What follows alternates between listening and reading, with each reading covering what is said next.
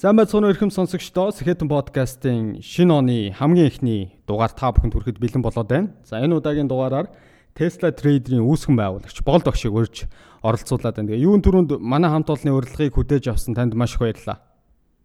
За баярлалаа. Өөрсдийнхөө энэ сайхан ярилцлаганд подкастад те шинэ жилийн эхний дугаартаа оролцуулж байгаа та бүгдээ маш их баярлалаа.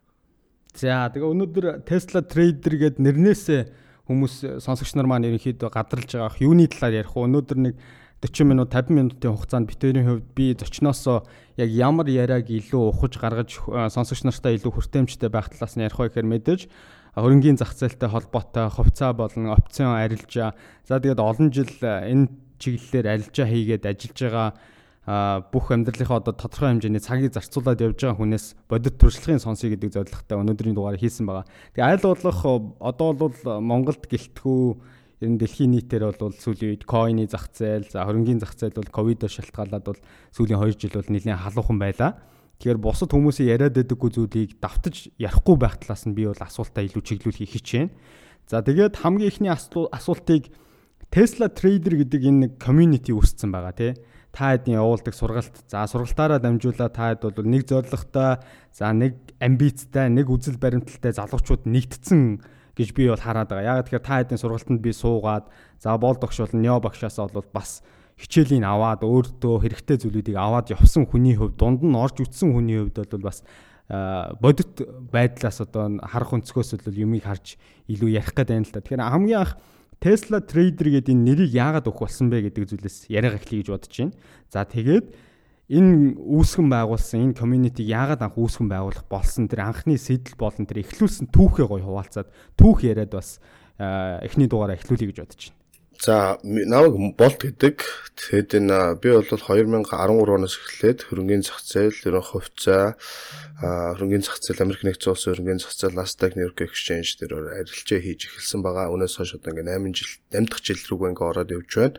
За Tesla Trader гэдэг нэрийг яагаад ийм гадаад нэр өгсөн бэ? Яагаад энэ нэрийг өгөх болсон шалтгаан нь юу вэ гэхээр маш энгийнээр ойлгох юм бол энэ бол гэрлийн хурдтай арилжаач гэсэн үг ер нь жоохон тодруулаад хэлэх юм бол миний хувь хүний хувьд хүндэлдэг ер нь цаашдаа энэ дэлхийн ертөнцийн үүсгэж бий болгосон энэ олон сайхан нээлтүүдийг хийсэн Никола Тесла гэдэг хүн бол миний хувьд бол хамгийн агуу хүн гэж боддог байсан. За Тесла гэдэг нь яагаад Тесла гэдгийг нь оруулж ирсэн бэ? Энэ хөл Никола Тесла те тэр тухайн хүний нэрээр нэрсэн болохоос шинэ бол машины хувьцаа буюу Теслагийн хувьцаатай бол яг юугаар бол холбоотой зүйл биш. Амин бол энэ хүний энэ нэрийг бэлэгдээд ер нь гэрлийн хурдтай арилжаач гэдэг утгаар л нээсэн. Энэ нэрийг өгсөн байгаа. Тэгээ яагаад энэ community-г бий болгох шалтгаан нь юу байсан бэ гэхээр энэ бол манай вебсайтн дээр байж байгаа teslatraders.com а бидний зорилго бол дэлхийн хөрөнгөний зах зээлийн Монгол жинхэнэ Монголын мэрэгжлийн акулуудыг бэлтгэх болно. Энэ нь үр хойч ирээдүйн үлдээ үлдээх үнэт зүйлсээр хэмжигдэх үлдэх учиртай юм. Бид нар бол агуу агуу өвгдээцийнхаа түүхийг дахин морин дэлэн дээр бүтээж эзэж чадахгүй харин эргэн бүрэн дэлхийн дунджаас өндөр орлоготой ард түмэн болж ож тэр цагийг дахин бүтээж чадах болно гэсэн яг энэ үндсэл дээрээс би болгосон. Өнөөдөр маа Монгол улс хоёр талаас хашигдсан Орос хятадын завсарт байж байгаа. Их нутгаа бид нар газар нутгаа дээгүүрэн гаргаад нүлгэж чадахгүй бүх зүйл нь хараад. Тэгэхээр бид нар ондоо цаг үе, ондоо зүйлс хэрэг болно. Энэ бол Монгол хүний оюун ухаан мэдээж тийм ээ. Тэгээ энийг хэрэглэж болох газар нь хаа вэ гэхээр ер нь хөн мөнгөний хамгийн том төвлөрөл мөнгөний урсгал монголчуудын хувьд нэг тийм нээлттэй сэдв бол энэ бол биш. Ер нь л цаанаасаа жоохон хаалттай маягаар барьж ирсэн. Одоо л койны ачаар өөр бусад зүйлсээ ачаар өөр сургалтуудын ингэж ачаар сүүлийн үед л ингээ монголчууд ингэж ярьж эхэлж олон хүний ам ингэж орж явж байгаа болохоос биш. Энэ тэрнээс өмнө бол нэлээд хаалттай сэдв байсан. Энэ ч цаанаасаа бодлоготой байсан гэж үзэж байгаа. Энэ үед Харин өнөөдөр бол цаг үе өөрлөсөн байна. Хүмүүсийн сэтгэхгүй задарч байна. Энэ нь бол харин зөв чиг голтрол руугаа орж Монгол улсыг дахид цааш навахын боломжийг бий болгох юм болов гэдэг үднээс энэ сургалтыг бий болгосон. Өнөөдөр маа сургалтанд чинь дэлхийн нэг 25 орноос 800 гаруй оюутан сурагчд байна. А тэг өөрсдөө гэсэн Discord community-тэй энэ бол private community буюу тусгай юм community-тэй тэгэл үйл ажиллагаа явуулж байна. Энэ бол Монголын жинхэнэ арилжаачтай нэгдэл маах оюутнуудаа сургалтаа өгдөг а дараа нь практис хийх орчиныг бүрдүүлж өгөөд өдөрт арилжаан да нэг сар гэж дагуулж явдаг. Бодит цаг дээр бодит арилжаан дээр орж явна гэсэн үг. Тэ тийм л энэ да. Анх одоо үүсгэн байгуулах болсон шалтгаан өөрөө ч хувьд эхлээд хувь хүнийх нь түүхийг бас илүү сонсоё гэж бодож байна л да. Хөрөнгөний зах зээлд ямар ч байсан анх эхлэлнийх нь цэгийг тавиад ер нь бол зорилгын сонсоход бол маш том амбиц шүү дээ тий. Ер нь Монгол залуучуудыг тий монголчуудыг ерөнхийдөө дэлхийн хөрөнгөний зах зээлтэй зөвхөн Монголдоо биш. Тийм дэлхийн хөрөнгөний зах зээлд хүч үзэх хэмжээний арилжаачдыг хөрөнгө оруулагч нарыг бэлдээ гэдэг тийм зорилготойгоор эхлүүлсэн гэж байна. Таны хувьд ер нь Америк нэгдсэн улсад э, хизээ хөл тавьсан бэ? Анх нь Америк нэгдсэн улсыг ямар зорилготойгоор зорж ийсэн? Хувь хүнийх нь болд гэдэг хүнийх нь бас түүхийг бас сонсохыг хүсэж байна.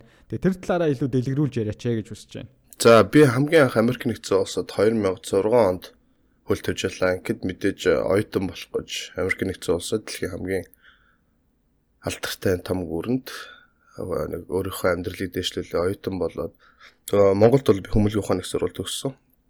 Тэгээд ирсэн. Тэгээ 2015 онд Southern Los Angeles University-г магистрийн зэрэг хамгаалсан.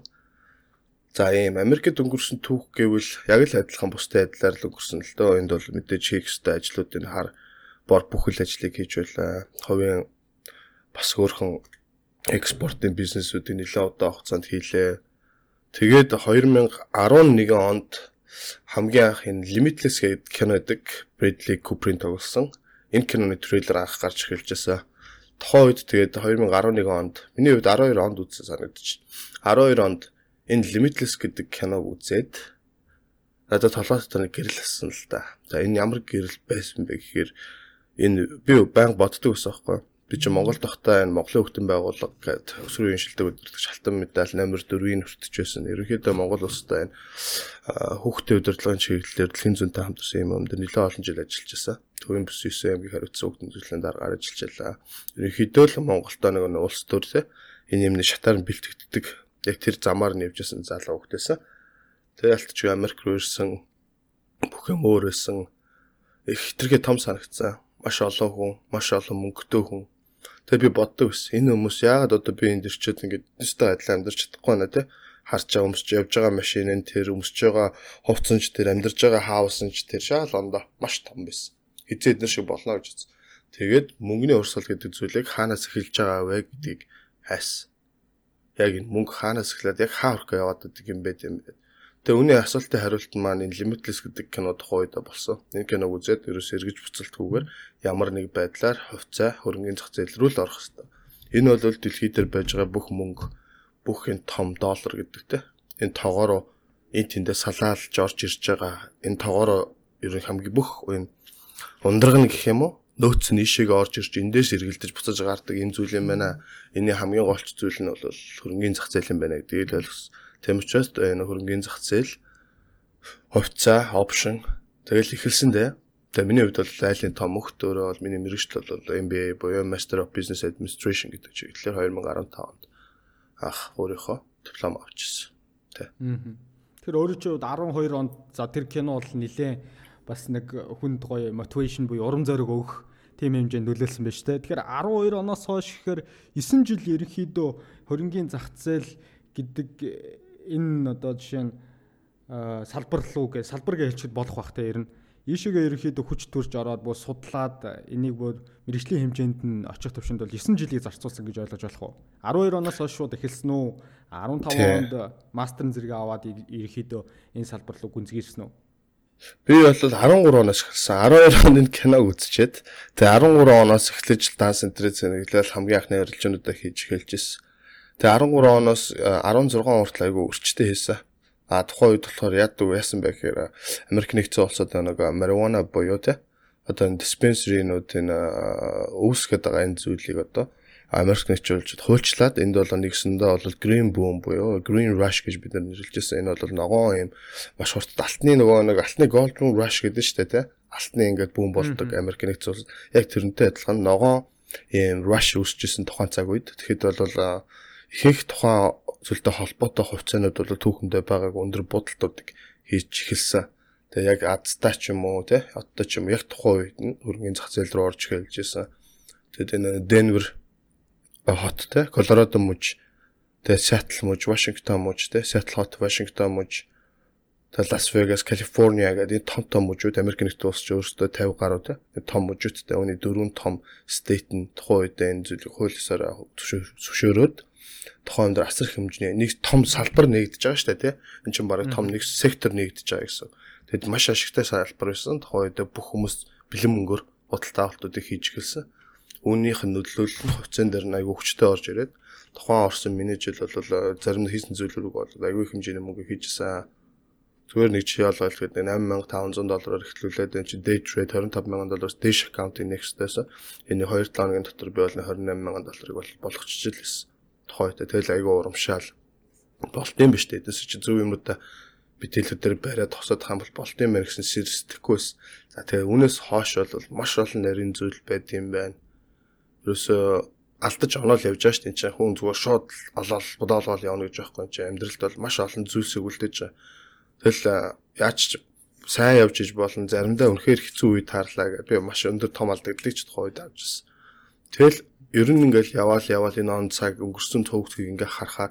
Тэгтээ нэг юм нь болохоор хизээч энэ хувьцаа төргийн зах зээлийн чарт зураглалоод энийг дотор нь үйлчлээд байгаа энэ араа араа эрэг шургыг нь бол ойлгоё гэсэн хүсэл бодлоо бол ерөөсө хаяагүй. Байнгын хамт явж байсан гэсэн. Тэгэл өнөөдөр 2 сая ковид хэллээ жилийн өмнө те.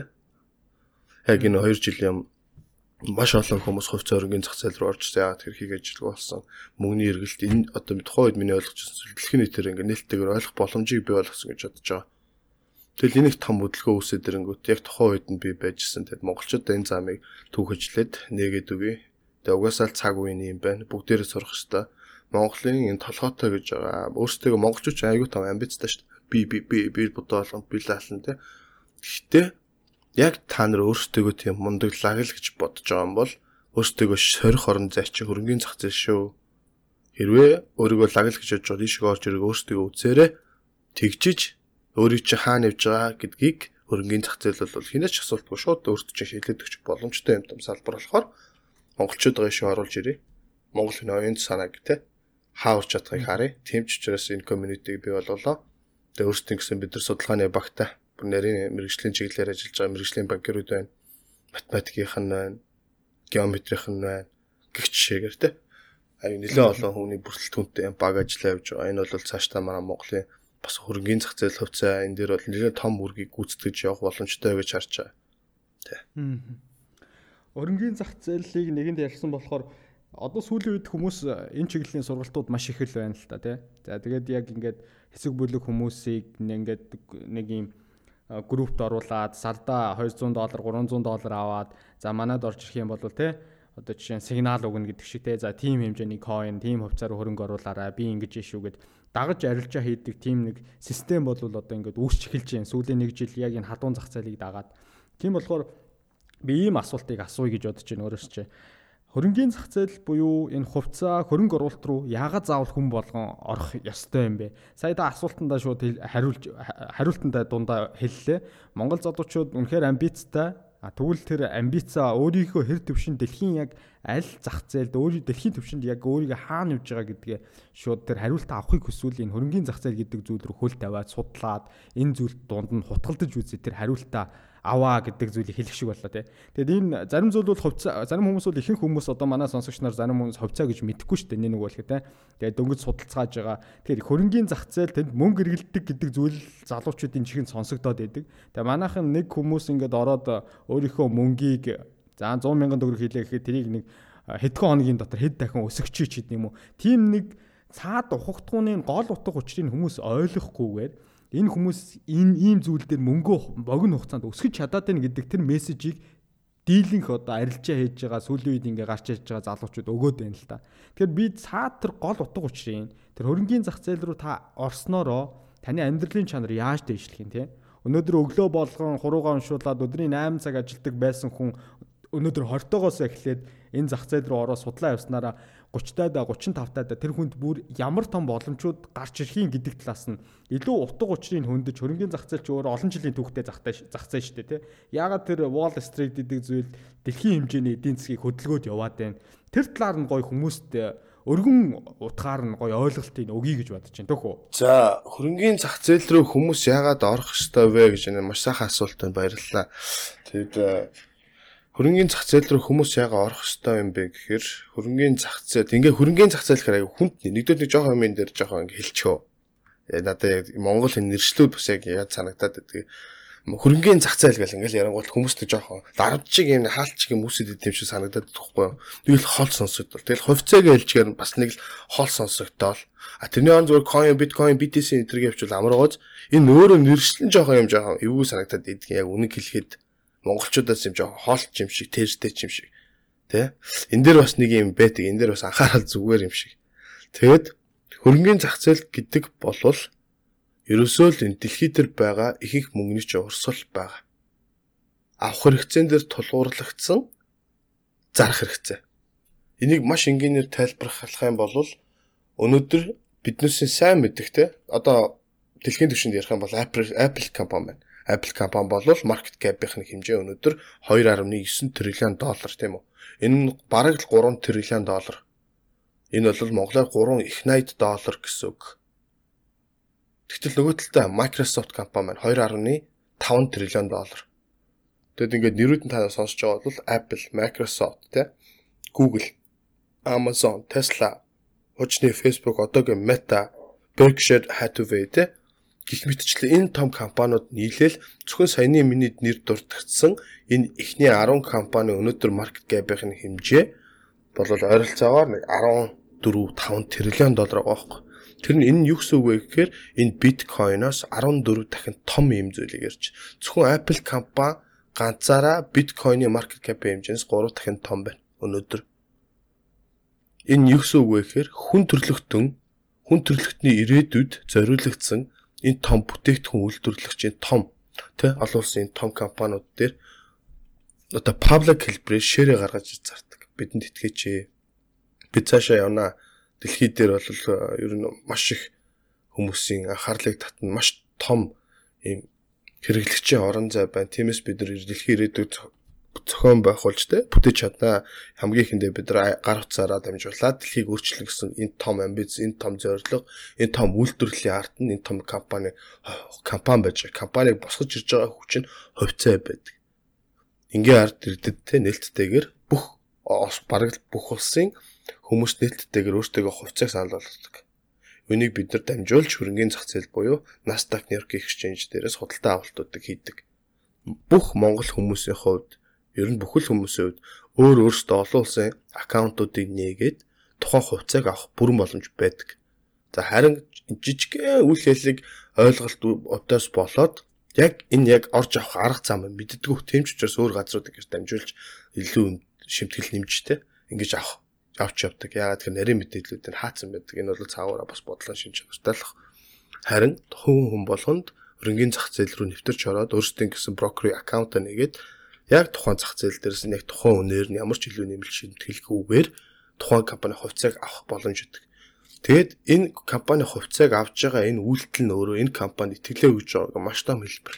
Маш том итгэлээ өгж нь маш их мөнгөө хийж Тэгээ юу гэсэн үг вэ гэхээр өнөөдөр Apple компани 179 долларын үнэтэй хувьцаатай. Энэ 3 тэрлион долларын үнэлгээт маркет cap-ийн хэмжээ тийм үү? Ийм том компани. Энэс том компани дэлхийд дээр байхгүй. Дэлхийн номер 1 компани. Энэ компаниас ямар нэг хэмжээгээр бид нар өөрсдөө авч үнцний шингээгээ үлдэж байна. Хин таар ингээ бодоод үзэлтэй. Apple компани дэлхийд дээр 10 жилийн дараа давбарна гэж бодож байна. Мөн нөгөө талдаа Microsoft өнөөдөр биднээс хэрэгжилж байгаа компьютер болгоо бараг л Microsoft байгаа нөгөө талдаа хэрэгжилж байгаа утас болгоны баг 2-ны 1 нь Apple-ийн product байгаа. Зөвхөн энэ чинь утас биш цааталтаа өөрсдөө гэсэн аппликейшнтай. Тийм үү? Одоо удахгүй машин хийх гэж байна. Тэгтэл нөгөө талаас нь Tesla, Tesla-г хүмүүс мэдээлээд ганган машин, гоё машин гэдэг. Яагаад заавал энэ Tesla гэдэг нь ингэж амар яваад байгаа юм бэ? Ганцхан машинаар бол явж байгаа зүйл биш үгүй. Энийний арт яг хэн бэ нэ гэхээр Elon Musk гэж хүн байна. Энэ хүн нь өөр ямар хүн юм бэ гэхээр Стивен Хawkins-ийн дараа дэлхий дээр үлдсэн байгаа хамгийн ухаантай гоц ухаантай хүн гэж ойлгож байна. Сүүлийн 5 жилийн хугацаанд Elon Musk-ыг дагсан ерөн хүмүүс энэ групп энэ бүх зүйл ерөөсөө ядуураагүй. Мөнгө алдсан хүмүүс маш зөв. Бүгд л олт. Хөрсөн болгоно алтчиг болж идэг юм ба. Тэгээ та нар бодоор Apple-ийн үүсгэн байгуулагч нь хэн бэл? Microsoft-ийн үүсгэн байгуулагч нь хэн бэл? Tesla-гийн үүсгэн байгуулагч нь хэн бэл? Amazon-ийн үүсгэн байгуулагч нь хэн бэл? Дөрвөн жишээ. Тэ? Jeff Bezos, Elon Musk, Bill Gates. Энийг гурыг л ингээл бодчихъя. Дэлхийн хамгийн алдартай баян хүмүүс 1 1 2 3 юу гэсэн үг вэ гэхээр хөрөнгөний зах зээлийг бол хүний энэ дэлхий дээр байж байгаа хүн болгоны мөнгөийг хамгийн том болцоол инээдэг. Энээс том ийм зах зээл гэж одоохондоо байхгүй байна. Ирээдүйд үүсэхгүй байна. Ийм л зүйл рүү хүмүүсийг орё гэж байгаа юм. Тэгэд энэ бол мэдээж түүх маш урт цаг хугацааг туулна. Гэхдээ шинжлэх ухаан, технологи хөгжихийн хэрээр сүүлийн маш сүүлийн 10 20 жилийн хугацаанд бол бүх юм нээлттэй болчлоо. Дээрэс нь маш олон шинэ аргаар хурдтай сурах боломжууд нь бий болчлоо. Дээрэс ямар ч хэмтгэлгүйгээр авах зарах үйлдэлүүд нь ингээд гараад ирлээ. Энэ юу гэсэн үг вэ гэхээр маш олон хүн орж ирэх болоод маш олон зүйлийг нээлттэй болгож өгч байгаагаараа задлж байгаагаараа маш илүү том даваа тал байгаа. Энэ бол right time те зөв цаг. Зөв цаг гэдэг маань хөрөнгөний зах зээл рүү ороход хамгийн магадгүй маш зөв цаг байж болно. Манай бидний хийж байгаа үйл ажиллагаа бол өнөөдөр ямар ч үсэн эхэлчихэж байгаа. Өчнөө олон зуун хүмүүс бас тодорхой хэмжээгээр ойлгож байгаа. Хүн болгон маш амжилттай арилжаач бас байж чадахгүй одоо заавал жүжигчтэй ингээл жижиг сургууль сураад төгссөн бүх оюутнууд нь амарлаа жүжигчд болж чаддаггүй шүү дээ. Үүнтэй адилхан хөрөнгөний зах зээл энэс хатуу салбар байхгүй. Харахад их л амарх ингэж байгаа юм. Гэхдээ маш олон нарийн салаа замтай. Үнийг харин ойлгож чадна. Маш сайн ойлгож чадна. Зүү газар хөрөнгө оруулах эрдмийг сурч чадна. Тэгээд урт хугацаанд юмаг барих, богино хугацаанд тэ свинг хийх scalp trade-ийн бүр хурдан хугацааны арилжих энэ бүх зүйлүүдийг манай сургалтын цуснаар олж мэдэх боломжтой. Энийг энэ сүүлийн одоо 5 ээлжийг авцсан явж энэ 5 ээлж дээр бид нар өөрсдөө бас юмыг эхлүүлж байгаа хүмүүсүүд алтан оноод аваач аваад улам сайжруулад тэгээ дараа дараагийнхаа ээлжинд энийг бүр илүү амар аргаар хүргэж эхэлж байгаа. Ер нь ер нь л дэлхийн том мөнгөний электрон зах зээл рүү л орох том эхлэл гэж ойлгож байна би түрүү биткойныг бол харьцуулж хэллээ. Маа монголчууд биткойн биткойн гэдэг. Энэ бол ойролцоогоо 2-оос 3 триллион долларын зах зээл байгаа. Аа дэлхий дээр байж байгаа 5730 компани нийт маркет капийн хэмжээ 97 тэрбум доллар триллион доллар байгаа. Энэ бол өөрөө баг 32 дахин том зах зээл байгаа байхгүй. Нийт криптокурrency-гаас хувьцаа хөрөнгөний зах зээл ч өөрөө 32 дахин том гэж ойлгож байна. Аа. Ер нь л хамгийн том мөнгөний өсөл гэж ойлгож байна тий. Мөнгө хаана байна тэр газар илүү хүч оршино гэдэг дүрмийн дагуул явж гин гэсэн үг шүү дээ. Тэгээд э, хөрөнгөний зах зээл э, нэршлийн хувьд бол яалчгүй нөгөө Монгол руу орчуулагдахаар яалчгүй нэг хүнд заавал нэг мэрэгжлийн хүмүүс энэ зах зээл дээр ороод оролцоод суралцаад өөрсдөө цаг заваа зарцуулаад явах юм шиг сонсогддог бол яалтчгүй тэгдэл дээ. Тэрнтэй бол санал нэгдэж байна. Тэгээ энэ үүн дээрээс үндслээд би нэг асуултыг асуух гэн. Маш олон залуучууд ийм асуултыг надаас асуудаг. За монголчууд бол сүүлийн 20 жил нин үгүй хэлэхэд хадгаламж ер нь мөнгөө яаж өсгөх үү гэхээр хамгийн шилдэг арга бол хадгаламж байсан. Жилдээ 15%, 15-аас 20% дундаж өгөөж аваад за тэр нь л бол хамгийн эрсдэлгүй мөнгөө яаж өсгөж болох уу гэдэг тийм одоо сонгодог арга байсан гэх юм уу та. За 20 жил ингэж явж байгаад за энэ жилийн хувьд Монголд coin гэдэг зүйл орж ирээд юун хадгаламжийн жилийн 15 20% Зүгээр хэдхэн хоногийн дотор сарын дотор мөнгөө 10 дахин өсгөх буюу чи 1000% ашиг хийх боломжтой байдсан байна гэдэг тийм нэг амтыг үзлээ л дээ. Маш олон монголчууд залуучууд тест нөгөө 8 настай хүүхдээс 80 настай буураа гэдэг шиг бүхэл хүн уулцсан хүн болгонд coin ярьж исэн. Тийм халуухан зах зээл сая өнгөрсөн 4 сарын хугацаанд ил явлаа. Тэр монголчууд бол ийм хэмжээний өсөлтийг мөнгө өсөхийг бол ер нь түүхэндээ бол арчил арчилсан тогтолцоор орсноос хойш үзээгүй байжгаад энэ жил үзлээ гэж миний хувьд бол харж байгаа. Тэгэхээр одоо залуучууд ийм юм асууж байна. Аа ер нь хөрөнгөний зах зээл буюу одоо за хувьцаа coin гэж шууд ашчи. Ийшээ 100% төвлөрөөд ингээд сурахгүйгээр баг те амьдралаа залгуулад ингээд яваад байх боломжтой юм шүү гэдэг асуултыг шин залуу үе одоо ингээд оюутан сурагч нар хүртэл асууж эхэлж байна. Тэгэхээр өөрөө чи хөв зүгээр хувь хүний үзэл бодлыг чи сонсоё гэж бодож байна. Өөрөө бол Монголд ихтэй сургууль төгсөөд Америкийн нэгдсэн улсад очиод бас мастер хамгаалаад за тэгээд янз бүрийн бизнесийг багаас нь эхлүүлээ эхсүүлээд эхлүүлээд бизнесийн шатанд хүртэл юм хийж үтсэн хүний хувьд одоо бол 100% энэ арилжаан дээр төвлөрч ажиллаж байгаа болоо гэж миний хувьд бодож байна. Хажуугаар нь бас өөр бизнес хийдэг бол трийг бас сонирхуулж бас манай хүмүүст бас дурдаасаа гэж хүсэж байна. Тэгэхээр залуучуудад тандаж өөрийн чинь зүгээс туршлагаа зүгээр хэлвэл юу гэж хэлэх вэ? Ер нь энэ арилжаа гэдэг зүйл чинь эрсдлийг нь бас хүмүүст ойлгуулахгүй бол ерөөсөө л ганц хоёр арилжаа хийж үзээ нөгөөх нь азан таарчингууд өө би баг энэ чиглэлээр яваад амьдраад ээж болох юм байна. Заавал ер нь сурах шаардлага байгаа мó гэдэг асуулт залуучуудад их төрж байна. Яа тэгэхээр хүний нөгөө тархичийг их залахгүй шүү дээ. Тэр айл болох амар хэлбэр аргаар амьдрах тийм сэтгэлгээг илүү хайж идэг цаанаасаа далд ухамсараараа.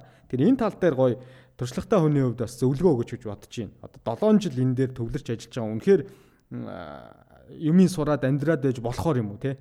Тэгэлгүй яхад энэ юу гэсэн үг вэ гэхээр энэ хангалттай тэм боломж байгаа. Тэр боломж боломжтой хамгийн том боломж руу чинь чөтлөх боломж бий. А гэхдээ маш том эрсдлээс тагж явдаг. Яагаад гэвэл энэ бол тухайн хүний үзүүр өнгөтэй чинь шууд хамааралтай болоо явчихж байгаа. За миний хувьд юм бол сүүлийн 3 жил бол яг day trade буюу үндсэн өдөр тутмын амьдрал маань миний өөр амьдралын хэлбэр бол ерөөсөө л энэ хувьцаа өрнгийн зах зээл өдөр тутмын хөдөлгөөн түүнээс олж болох ашиг те энтэй дагаж ингэж хосолж явж байгаа. За өөрөө чинь түрүүн хэлсэн биткойныг дагаад хүн болгонд ийм амархан сэтлүүд үүсээд байна. Өдөө өдөөд штэ. Энэ яг юу вэ гэж. За ерөнхий том хүрээнд би зүгээр өөрийнхөө харж байгаа хүрээнд би биткойн болоод энэ зүйлсүүдийг тайлбарлахыг хичээл та. За энэ дэлхий дээр болж байгаа биткойны нөхөөсрөл энэ юу юунтай эхлээд ингээ явчваа гэд та нар сайн бодоод үзээрэй. Би бол миний хувьд энэ зөвхөн миний бодол шүү заяа.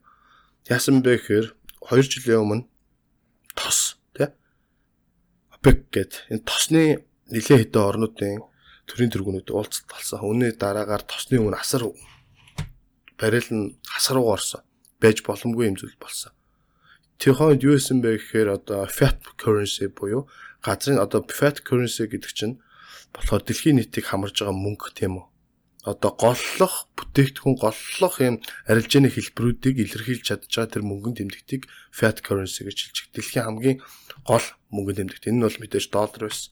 За энэ нефтийн уулзалтын талаа дараа бол ер нь дэлхийн нийт хаашаа чиглэх хувьд эхэлсэн бэ гэхээр долларыг жоохон болох, доллароос татгалзах. Урд нь доллар чинь Дэлхийн 2 дугаар дайны дараа Америкчууд дэлхийд дээр байсан их их алтыг нь хамж аваад дэлхийн том гүрэн гэдэг доллараараа баталгаажуулж барьж явж исэн болвол энэ хугацааг хугацаанд fiat currency дээр тус шатруугаа орж эхэлсэн байхгүй яа тэгэхээр Орос, Араб, өөр бусад орнууд. Да ялангуяа энэ бол юу гэдэг хятад улс тийм үү? Америкийн долларын хүчил хүчрэх хүчлэлт нь эдгээр том улсуудад ямар нэг хэлбэрээр айгүй хэцүү хүнд байдлыг авчирж бас олон сар жилээр энэ үргэлжилж ирсэн Харин яг та нар одоо санаж байгаа бол тэр ОПЕC-ийн уулзалтын дараагаас эхлээд биткойн гэдэг зүйл бүүм орж ирэх нь тодорхой болж эхэлж байна. Энэ юу гэсэн үг вэ гэхээр биткойн крипто зах зээл гэдэг бол энэ том их инфляцийг төрөж оруулж ирж байгаа жижигхэн нэг салбар нь. Энэ бол маш нарийн зохион байгуулалтад явагдаж байгаа зүйл гэж бодож байгаа. Энэ нь бол temporary байх болно. Temporary гэдэг богино хугацааных байх болно яг юу болцсон бэ гэдэг бүр нарийн арилжаа ойлгож байгаа хүмүүст бас тодорхой ингээд зүрлээд хэлэх юм бол энэ болвол Америкийн хөрөнгөний зах зээлийн хамгийн доод нэгж байдаг. Энийг бол penny stock гэдэг. 1 цент гэж байгаа шүү дээ. Америк чи мөнгөнд бол 1 доллар биш шүү дээ. Чи мөнгөнд тэмдэгтэн задгаа coinтай тийм үү задгаа жижигхэн нөө зоосон мөнгөтэй. Эний хамгийн доод нэгж 1 цент. 100 цент чи нийлээ 1 доллар болдог. За энэ 1 центний хувьцаануудын зах зээл гэж байгаа. Одоо шүртэл байгаа OTC market гэж. Харин энэ OTC маркетинг хөдөлгөөн нь өөрөө биткойн болоо явчуу да. Тийм ч учраас энэ хятадууд өөр бас улс орнууд ялангуяа Орос хятад энэ хоёр том гүрэн энэ биткойны хэрэглээг бадж эхэлсэн. Майнингуудын зогсоож чинь те том биржүүдийн хаач. Энэ юу вэ гэхээр доллар биткойн өсөх тусам доллар чангарна. Тетер биткойн яг харьцаж байгаа USD, USDT гэдэг харьцаж байгаа мөнгөний тэмдэгтний стил хүчээ доллараар хадгалаа яваад байгаа. Үүнийг бол яач чадахгүй. Энэ аюул том бодлого явж байгаа л гэж харж байгаа. Энэ бол temporary байх байх болно. Одоо хүмүүст яаж ч ойлгуулж магадгүй хэвлэл мэдээлэл гэдэг бол цензуртай хандахгүй юм бол тим гэдэг итгэлийг өгөөд. Зүгээр ингийн жишээ Эл Салвадор гэдэг энэ улсыг харал та. Дэлхийн номер 1 мафта улс MS13 та тий. Тэр улсын ерөнхийлөг чинь 5 биткойн авлаа тэр нь хэдэн төгрөг 200 мянган доллар ч юм. Тим мэдээгээр бөмбөгдөж байгаа жишээт тийм эдийн засгийн хөгжил асар муу. Яавал яаж болохоор ерөнхийлөгч нь 100% коррупттэй, corruption идэгдсэн.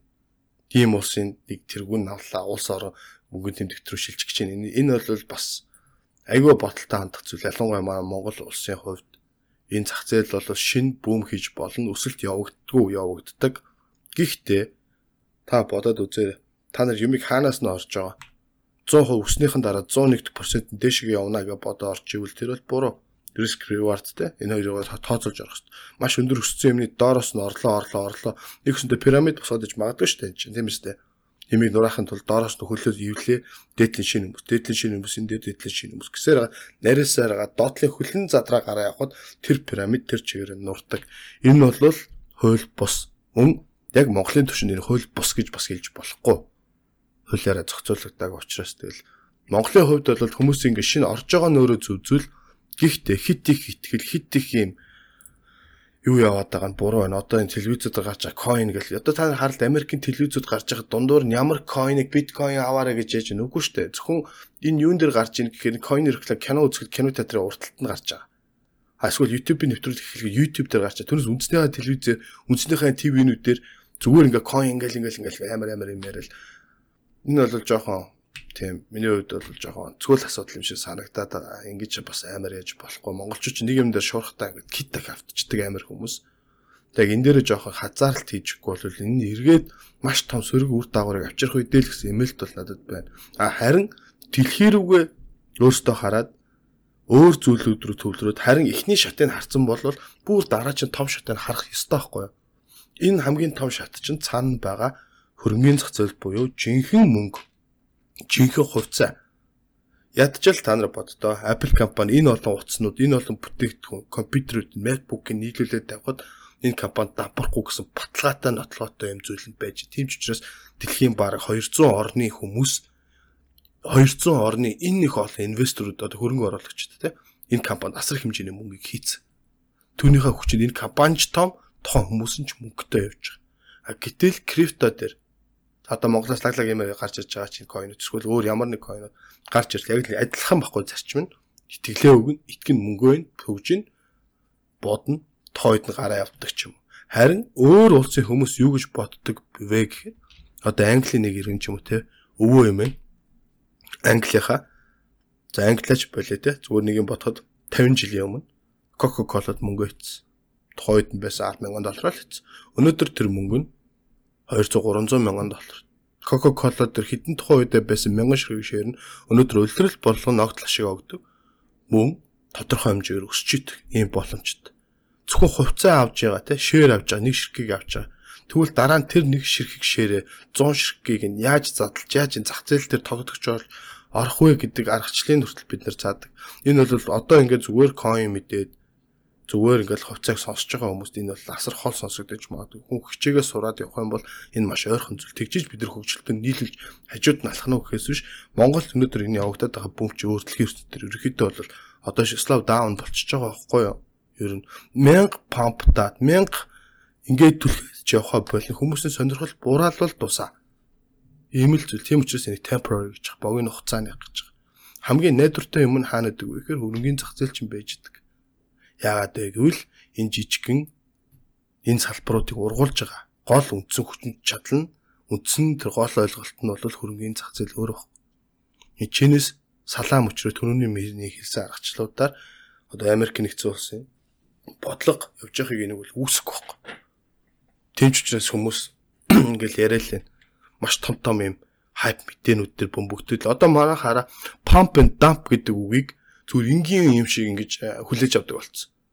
Памптж памптж байгаа л нэг юм ингээл худлаа яаж ингэж өсөж өсөж байгаа л хүмүүс ороод ирэхэд зараа гардаг. Эн чинь өөр гимт хэрэг штэ.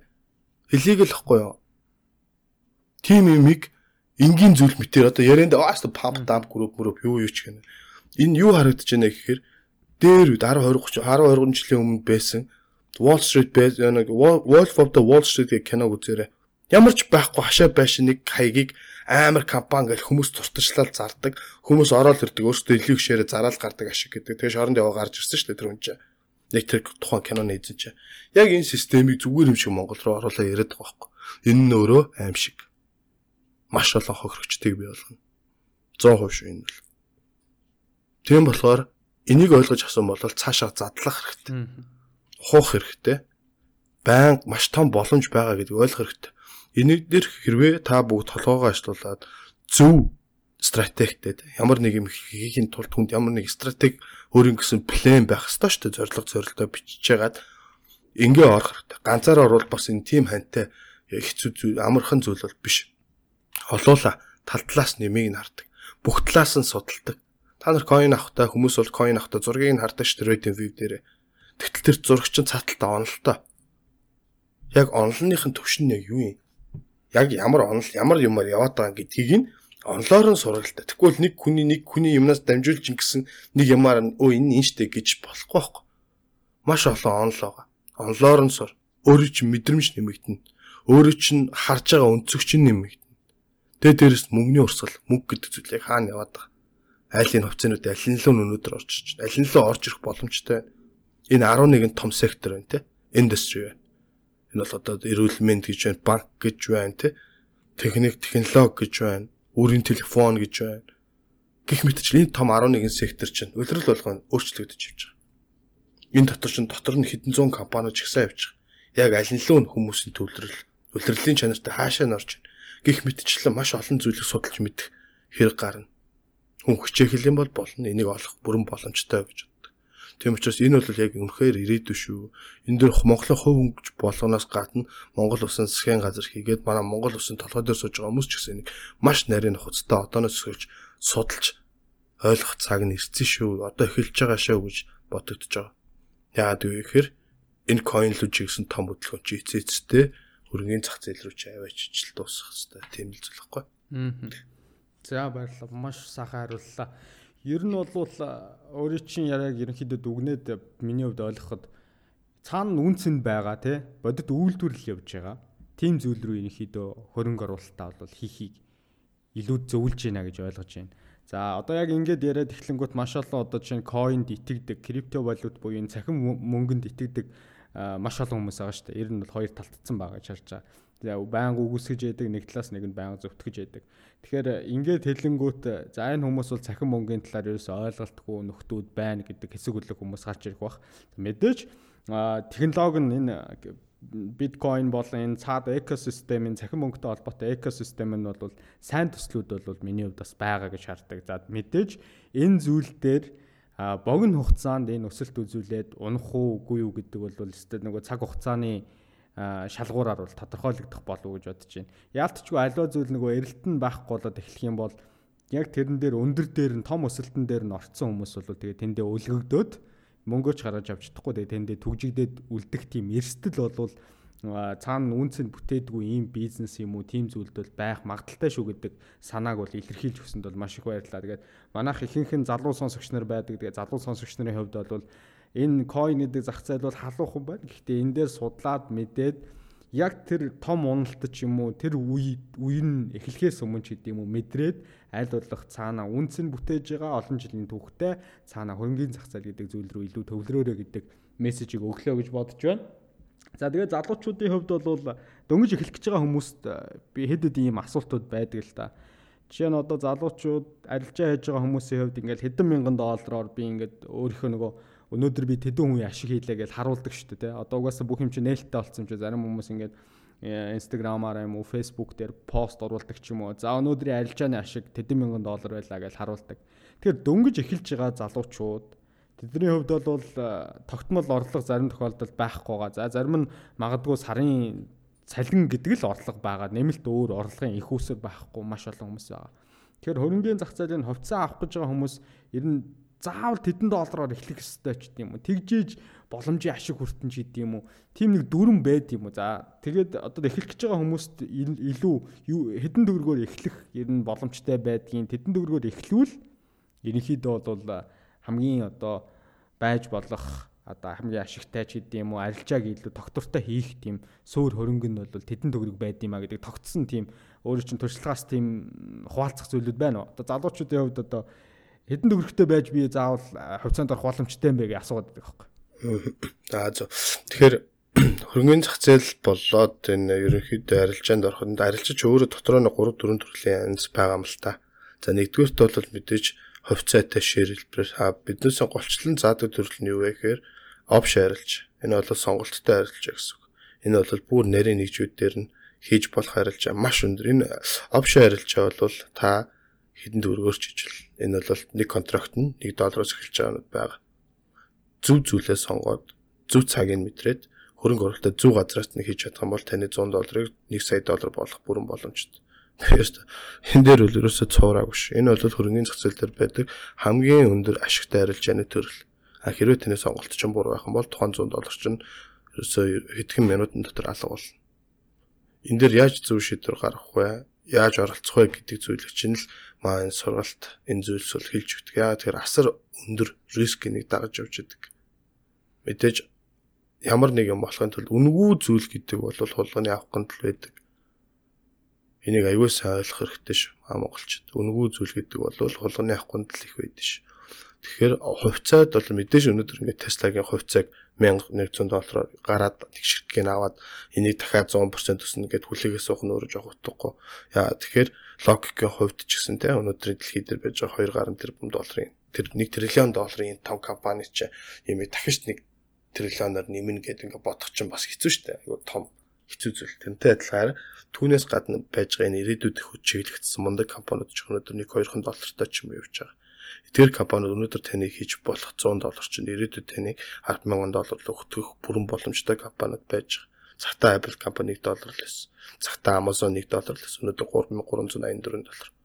Tesla уртан 100 доллар 80 доллар явж ирсэн. Одоо 1086 доллар.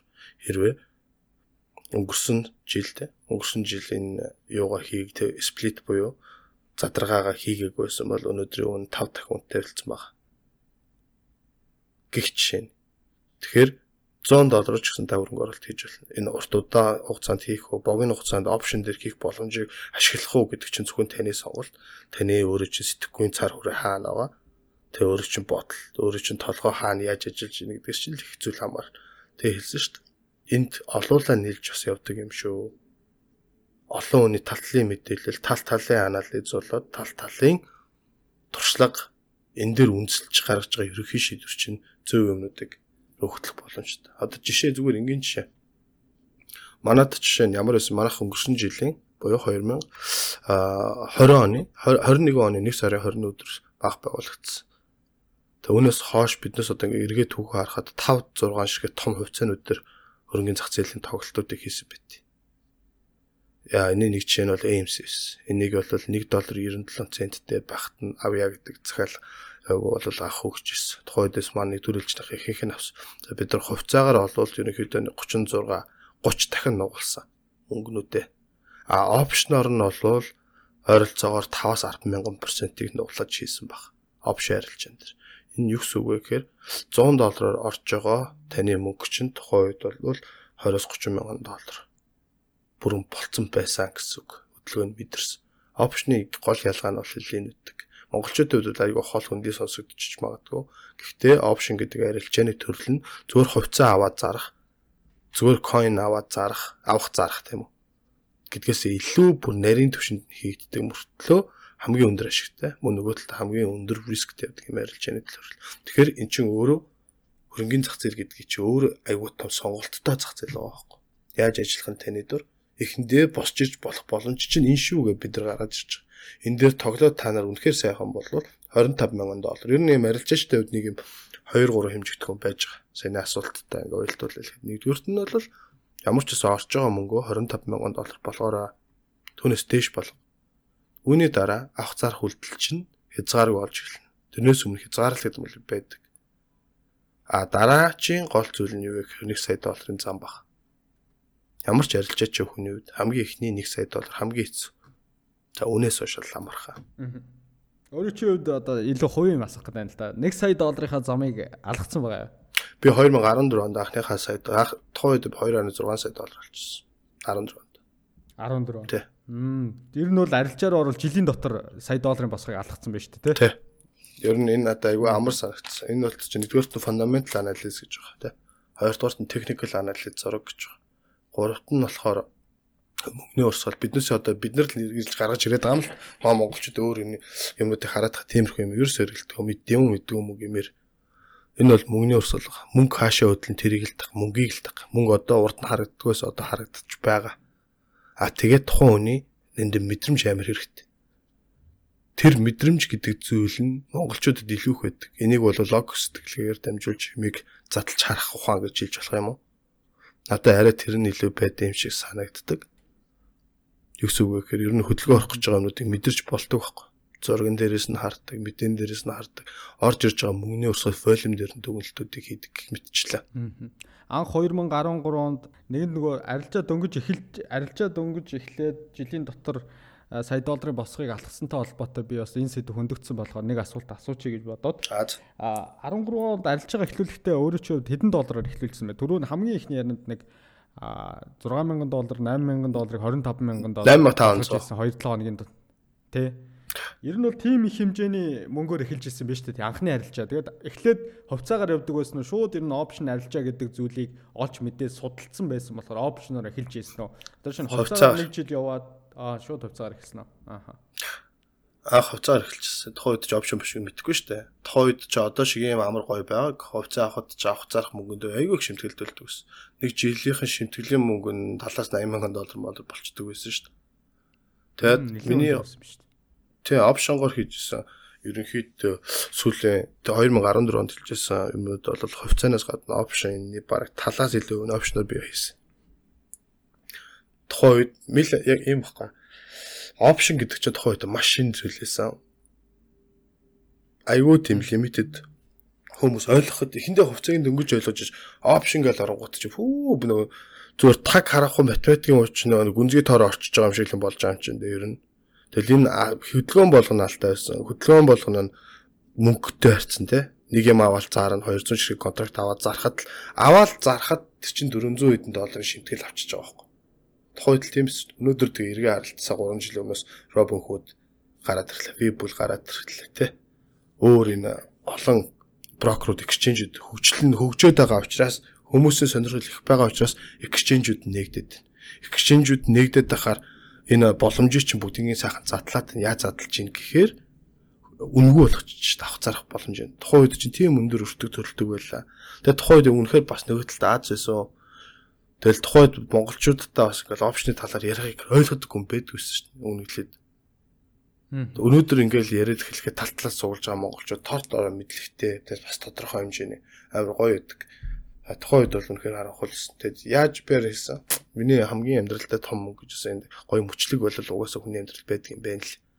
Энэ бол Монголд ардчилсан дээр 90 он хэлэхэд зарим нь ингээ хождогтой адилхан зах зээл хөрөнгөний зах зээл дээр ч гэсэн тийм үе байсан Тэр нь бол угаасаа ногоо Green Rush гэсэн Green Rush дээр хөрсөн болгоно л бараг нэр 400%, 500%, 800%, 1200% төсвөрчсэн тухайд. Яг GWPH гэдэг хувьцаас тухайд. Энэ бол одоо багхгүй байгаа. Тухайн компани хувьцаанд үн дээр бол опшн дээр асар хэмжээний мөнгө хийчихсэн. Опшноор. Гэгчээгээл олон юм байдаг тий. Тэгээ би одоо бас миний хувьд боддог нэг зүйл. Энэ бол нэг өөр ингэсэн дотроо бахархаж явдаг нэг зүйл юм. Төрөн би ярианыхаа ихэнд хэлсэн шүү дээ fiat currency гэдэг. Fiat currency гэдэг чинь үүсэл нь өөрөө монголчууд гэдэг бид нар мэддэм болов мэдээсэй гэж хүсэж байна. Яагаад тэгэхээр дэлхийн хамгийн олон улсуудад нэгэн зэрэг хүлээн зөвшөөрөгдсөн тухайн улсуудынхаа ерөнхий мөнгөнд нэмэгдэнд болж явсан мөнгө бол юан гөрний үеийн Монголын мөнгө ус. Энэ өнөөдрийн fiat currency гэх та нар одоо та нар хэлэхдээ одоо өөрсдийнхөө байгаа Binance дээр ч юм уу, KuCoin дээр ч юм уу, өөр байгаа өөрсдийнхөө юм дээр хараараа fiat currency гэж байдаг шүү дээ, юм хөдөлж авах болгоод гарч ирчихдэг. Энэ зүйлийг чи үүслэнд бид нар байсан шүү. Энэ яриад байгаа электрон мөнгө, энэ яриад байгаа дэлхийн нийтийг хамарсан currency гэдгийг чинь түүх нь өөртөө монголчууд биш хувлааны үеэс явсан энэ том түүх чинь өөртөө биднес энэ замыг нээсэн юм шүү. Өнөөдөр энэ хөрөнгөний зах зээл дээр ашиглагдаад байгаа fiat currency-г чинь жинхэнэ эцэг нь бид нар өөрсдөө шүү гэдгийг мэдээсэй. Тэгэхээр юу гэж ойлгох вэ гэхээр бид нар өөрөө энэ том замыг чинь нээсэн хүмүүс юм шүү. Одоо эзэн болох, өөр өөртөө ойлгох, энийгээ цааш нь авч явах энэ замыг бид нар одоо хийхгүй юм бол болохгүй. Дэлхийн нийт энэ шигээ хамраад ингээл орчод одоо хүссэн хүсээг орно. Яагаад вэ гэхээр хувьцаа хөрөнгөний зах зээл рүү нэг орсон болгон гарахад төлөө хэцүү байдаг. Яагаад тэр ойлгочихж байгаа хүн хүнээс илүү дэшиг ойлгох юм байхгүй. Тийм учраас энэ замчин одоо гарцсан. Тодорхой хэмжээний түүхэж төчөөл явж байгаа залуучууд байна. Жишээ нь манай сургалт байна. Энэ дундаас бид зөвхөн сургалт игээд ингээ явахыг хүсдэггүй. Нарийн арилжаачдыг бий болгоё гэж. Өнөөдөр ингээл зарим нь ойлгоод зарим нь ойлгохгүй явжиж болно. Гэхдээ манай сургалтын түвшин бол тодорхой хэмжээний нэлээд өндөр түвшинх гэж бодож байгаа монголчуудын хувьд. Харин үлдэж байгаа магадгүй 5 жилийн дараа 10 жилийн дараа маа сургалтаас гарч ирж байгаа тэр залуу үе тэр хүүхдүүд өнөөдөр бэлтгэж байгаа эцэг гэх нь өр хүүхдэд зааж байгаа энэ зүйлээс чинь жинхэнэ амжилт жинхэнэ том юмуд нь гарч ирэх байхгүй.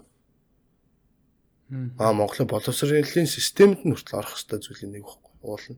Зөвхөн хүний утсан дээр аппликейшн дээр байдаг аппликейшны имийг л ашиглах гал чадахгүй дэл ингээл явж байгаа болохоос яаж англи хэлийг монголоор зөв хэрэглэх вэ гэдгийг хүртэл манайх зааж өгч байгаа шүү дээ.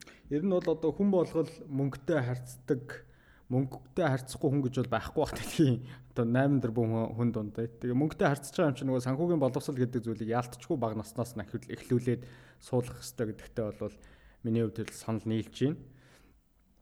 Тэгээд түрүүн өөрөө чи амжилттай арилжааны талаар амжилттай эхлэлийн талаар ярьсан болохоор одоо би илүү бүтлгүүцсэн арилжааны талаар барт урдаж асууя гэж бодож байна. За тэгээд тэр яагаад тэр асуултыг асууж байгаа гэхээр сургамж болсон баг те. Бид нар одоо арилжаа хийж байгаа, хөрөнгө оруулалт хийж байгаа хүмүүсийн нэг том зүйл нь алдагдал шүү дээ. Хамгийн том сургамж бол алдагдал. Би яг мөнгөө алдсан хүн бодлол би яг энэ удаа юун дээр алдав гэдэг тэр том хинээш ч одоо ямар ч сургалтанд суугаад авахгүй тэр том хичээлийг бол авдаг юм шиг надад санагддаг. Дахиж тэр алдаагаа гаргахгүй тул тэр хүн бол маш хянуур үздэг, маш олон зүйлийг их эргэж харж судалдаг. Тэр өөрөө ч бүтлгүүтлийн тэр том арилжааныхын түүхийг сонсъё. Тэгээ тэрэн дээрээс яг ямар сургамж авсан. Магадгүй тэр сургамж нь өнөөдрийн энэ том community-г үүсгээд маш олон залуучуудад өөрийнхөө орлогыг ихсгэх тэр боломж үе таалгыг нээж өгж байгаах цалингаас хамааралтай байсан хүн бол жишээ нь цалингаасаа гадуур магадгүй сарынхаа цалингаас хэд дахин илүү орлогыг энэ хичээлийн үзээд цаад үр дүнгийг хартсан ойлгоцсон ийшээ төвлөрөөд амьдралын чанар амьдралын бүтээмжээ дээшлүүлээ явж байгаа ах トゥ садныхаа амьдралыг дээш нь татаа явж байгаа маш олон хүмүүс бас боломж олгосон болов уу гэж миний хувьд бол сонссон тэгээ дунд нь орсон учраас бол түүнийг ч бас худлаа цуурхал биш гэдгийг бол мэдэж байна. Тэгэхээр өөрөө чи бүтлгүй тэр том арилжааны талаар сонсъё. 8 жилийн хугацаанд бас маш их олсон бах түүнтэйгээ дүүцэх хэмжээнд бас алдагдал хүлээсэн бах тий. Тийм тэглүү яг хоо ер нь хүнийг амжилт биш алдаа нүунийг босгож явдсан шүү дээ. Ямар ч зүйл тэр алдаанасаа суралцаал явах нь өөрөө том зүйл байдаг. Би 2015 онд хамгийн том алдагдлаа авч ирсэн. Тэгээ энэ чинээс нэг зүйлийг аягуулс ойлгож авсан. Би ч өөрөө жоохон бардам хүн, хариуцсан өндөртэй, амбицтай. За яасан бэ гэсэн чинь тухайн үед болохоор GoPro гэдэг одоо мэддэг биднээс мэд GoPro гэх компани ба штэ. Жижигэн камер үйлдвэрлэдэг. За энэ камер бол зүгээр тухайн үед буулгасан. Үнэхээр буулгажсэн. Бүхэл юм дээр эднээс реклам гарч ирсэн. Тэгээ 3 дугаар үйлдвэрлэлийн тайлан дээр ордог байхгүй. Тэгээ би дэш орсон тухайн үед чинь одоо яг нарийн үнээс санахгүй байна. Тухайн үед би дээшээ ороод хэрэв тухайн үед хийжсэн ойролцоогоор нэг квартал миллион доллар буюу 250 мянган доллар дээшээгээ кол татаж орж ирсэн. Опшн гаргалчаан дээр. Тэгсэн чинь яасан гэсэн чинь арай ашигчгийн хувьд ашигтаагаас 300 сая доллар ашигтаа гараад тэг яг тайлан тавь автор маркетаар тавигддаг байхгүй. Тэр тухайн үед опшн арилжаа чинь зөвхөн маркетинг цагаар хийдэг. А маркетинг бус цагаар хийх боломжгүй байдаг. Тийм учраас яг маркетинг after hours-аар мэдэн орж ашигтай гарлаа гэж бодчихж байгаа байхгүй нэг тухайн үед миний миний зүгээр тооцоолж урьдчилсан тооцоогоор 14 нэг болсон байсан тухайд квартер миллион долларыг за тэгээ 1 секунд 2 секундын ингээл баяр байсан л штэ тэгсэн чи өргөжлөл хамуу мэд орж ирсэн ямар мэдээ орж ирсэн гэсэн тухайн үед байсан тухайн компаниг хамт нийлүүлж гаргаж байсан захир нэг захирал нь бүх өөрийнхөө ширийг зарж ийн гэсэн мэдээ өргөжлөөл 2 секундын дараа ороод ирж байгаа Тэгсэн чи яасан бэ гэсэн чинь 70 хэдэн доллартай байсан тухайн компани чинь all time high 99 доллар байсан. Бүх цаг үеийн хамгийн өндөр нь 99 доллар байсан. Тэгээ тухайн 76 л гэж санаад байна бэ. Дөөд чинь доош гонаад маргааш нь баг 41 доллар төр онгооч. Тэгэхээр ерөөсөө тэр 250 мянган доллар ч өглөө 7 мянган доллар болчихдог байхгүй. Тэгээ миний хувьд болохоор яасан бэ гэхээр миний хувьд битгэж тэр компанид маш их итгэсэн. Яаж итгэжсэн бэ гэхээр угаасаа л амар камер ямар сандал шүхэргүй хүн тэнгэрээс унахта өсөрсөн штэ дагаар мантал дээрээс хүн Red Bull-ийн юун дээр хүртэл гарч ирсэн. Red Go Hero гэдэг нэг GoPro гэж камерыг зүгээд шүхэргүйгээр өсрөө амьд ингээл гараад ирсэн.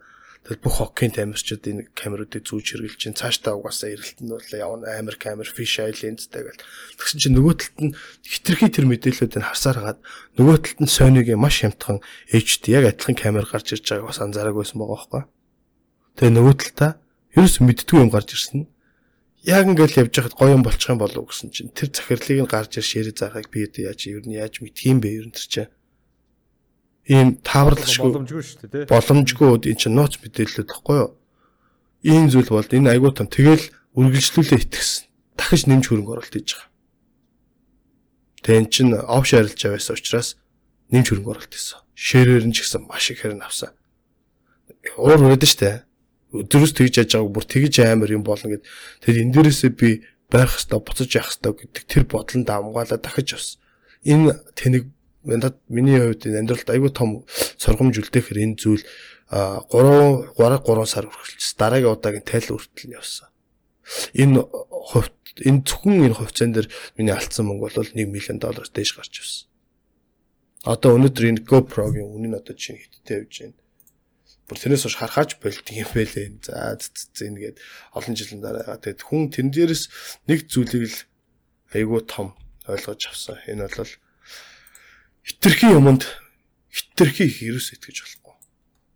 Ямар ч юмд бүр 100% бүр бат ерөөс итгэж болдоггүй юм байна да гэдгийг би өстой нэр аягүй сайн л ойлгож байна. Энэ бол миний амьдралын хамгийн том туршлага байсан. Үүнээс хойш юмыг олон талаас нь харахыг хичээдэг болсон. Мэдээлэл зөвхөн нэг сорсоор авахыг бодохгүй. Болж игэл 3 4 сорсоор. Тэгээ дээрээс нь том аналистуудыг хийж байгаа зүйлүүдийг байн бай олж харахыг хичээдэг болсон. Алдаа гарахгүй тулд ч тийм хүн хэрвээ алдаагаа л олж хараад төрүүлээ уртчлаа засаа яваад чадаад ах юм бол эн чи ирээдүйн маш том хоол, ирээдүйн үнц, ирээдүйн чинь жинхэнэ мөнгөний ч өсөлт нь болох байхгүй.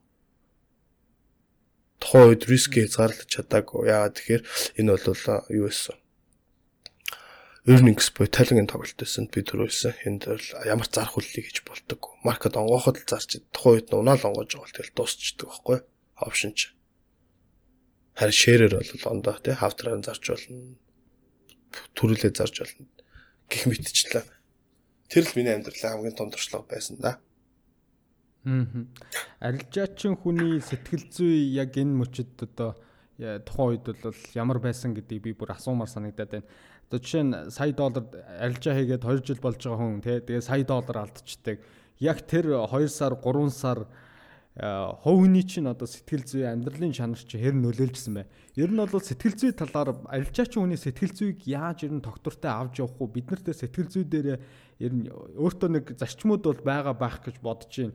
Энэ 7 8 жил арилжаа хийцэн хүний хувьд та бол өөрийнхөө тэр зарчмуудаас гой хуваалцаач. Тэгэхгүй бол одоо манай залуучууд чинь нэг өсөөл те Тэгээ нэг өдөр хувцаа нь ингээ нэг хэдэн доллараар унчингуу сэтгэлээр унаал шөнө нойргүй хоноол мөнгөө гаргаж амаар санагдаал те.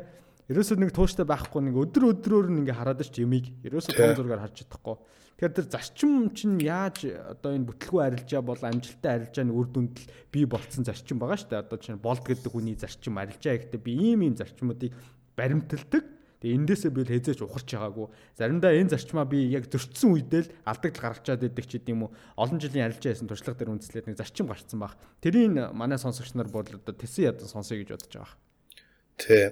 Одоо нэг зүйл байна л да. Одоо яг энэ хүний арилжаач хүний сэтгэл зүй гэдэг бол тухайн хүний арилжаанд орж байгаа зүйлээж 30%. Ер нь нийт арилжаа арилжаач болох уугүй гэж 30% магадгүй түнээс ч илүү процент байж магадгүй. Мянга сайн зураг мэддэг мянга сайн fundamental analysis буюу санхүүгийн дүн шинжилгээгийн тухайн гавьн дээр хийчдэг байлаа гэд сэтгэл зүйн өөрөө түүнтэйгээ адилхан төвчнийх байж чадахгүй болохоор энэ бол ялагдал болж хуурчаад байгаа. Ер нь ямар ч юмыг гол нь энэ дээр бол юу гэдэг вэ гэхээр нэгдүгürt итгэл ер нь юм заяа. Өнөөдөр хамгийн ашигтай явж байгаа AI технологи буюу одоо химэл оюун ухаанууд чи хүний хүн төрлөختний үүсгэсэн нэг зурааснаас нь хахгуулаад нэг ширхэг тоо бүх тийм томьёонуудыг өөртөө багтаачаад өнөөдөр хүний эсрэг арилжаагаа суугаад штэ. Эсвэл хүний талт ч юм уу те. Хүн химэл оюун ухаан хоёрын хооронд ямар зай байна вэ гэхээр нэгдүгürt оюун ухааны одоо юм асар хурдтай сэтгэж чинь нөгөө талтай бол энэ дээр нь юу гэдэг вэ гэхээр мэдрэмж гэдэг зүйл ерөөсөй байха болчдөг. Айдас байхгүй, мэдрэмж байхгүй. Хүн бол мөнхөд л сэтгэлийн амьтан учраас энэ зүйлэнд байна. Хамгийн нэгдүгээрт харилцаачийн үнийг хийх ёстой зүйл нь өөрөө хаашаа орж байгаа, яах гэж орж байгаа, хаашаа явах гэж юуны төлөө хизээ гэдэг юмнуудээ нарийн тодорхойлох ёстой. Юуны тулд бол эм трейдеруудын одоо арилжаачдын журнал хөтлөх хэрэгтэй. Би энэний тэн дээр нь орлоо. тухайн үед тийм үнэтэй байл. Одоо та зүгээр Amazon, Amazon ч юм уу те өөр юмнуудаас хараад үзэр trading journal гэдэг байгаа. Тийм тэмдрийг олоод авчих хэрэгтэй. Э, яагаад тэгэхээр юм бичснээрээ ядаж л өөрөө хажууд нэг том самбар зоож жоод тэн дээр бичээд явах картон заасч юм юу ч үгүй. Яагаад гэвэ гэвэл тэр чин та нарын хаа хүрэх газар ч тодорхой харуулад өгчдөг. Нөгөө талдаа алдаа оноогоо хянах боломжийг асар хурдтай оруулж өгдөг. Тэг өөртөө сэтгэлийн эмоц хөдөлгөөнөө таар итгэж байгаа бол итгэсэн шиг итэг итгэж чадахгүй ингээд яг салганаад эхэлж байгаа үедээ болчих хэрэгтэй байхгүй. Болно гэдэг чинь өөрийнхөө мөнгө хамгаалах хамгийн шилдэг арга штэ бас. Тэгэхээр нэг юмыг итгээд үнэхээр 100% итгэлээ гэж яхад нөгөө талд алдаанууд нь давхар тоо яг түнтэйг адилхан алдаануудыг нь хараад давхар тооцоол явах хэрэгтэй. Ер нь ямар ч том хөдөлгөөний зурагч нь чирж явна техникэл талаасаа.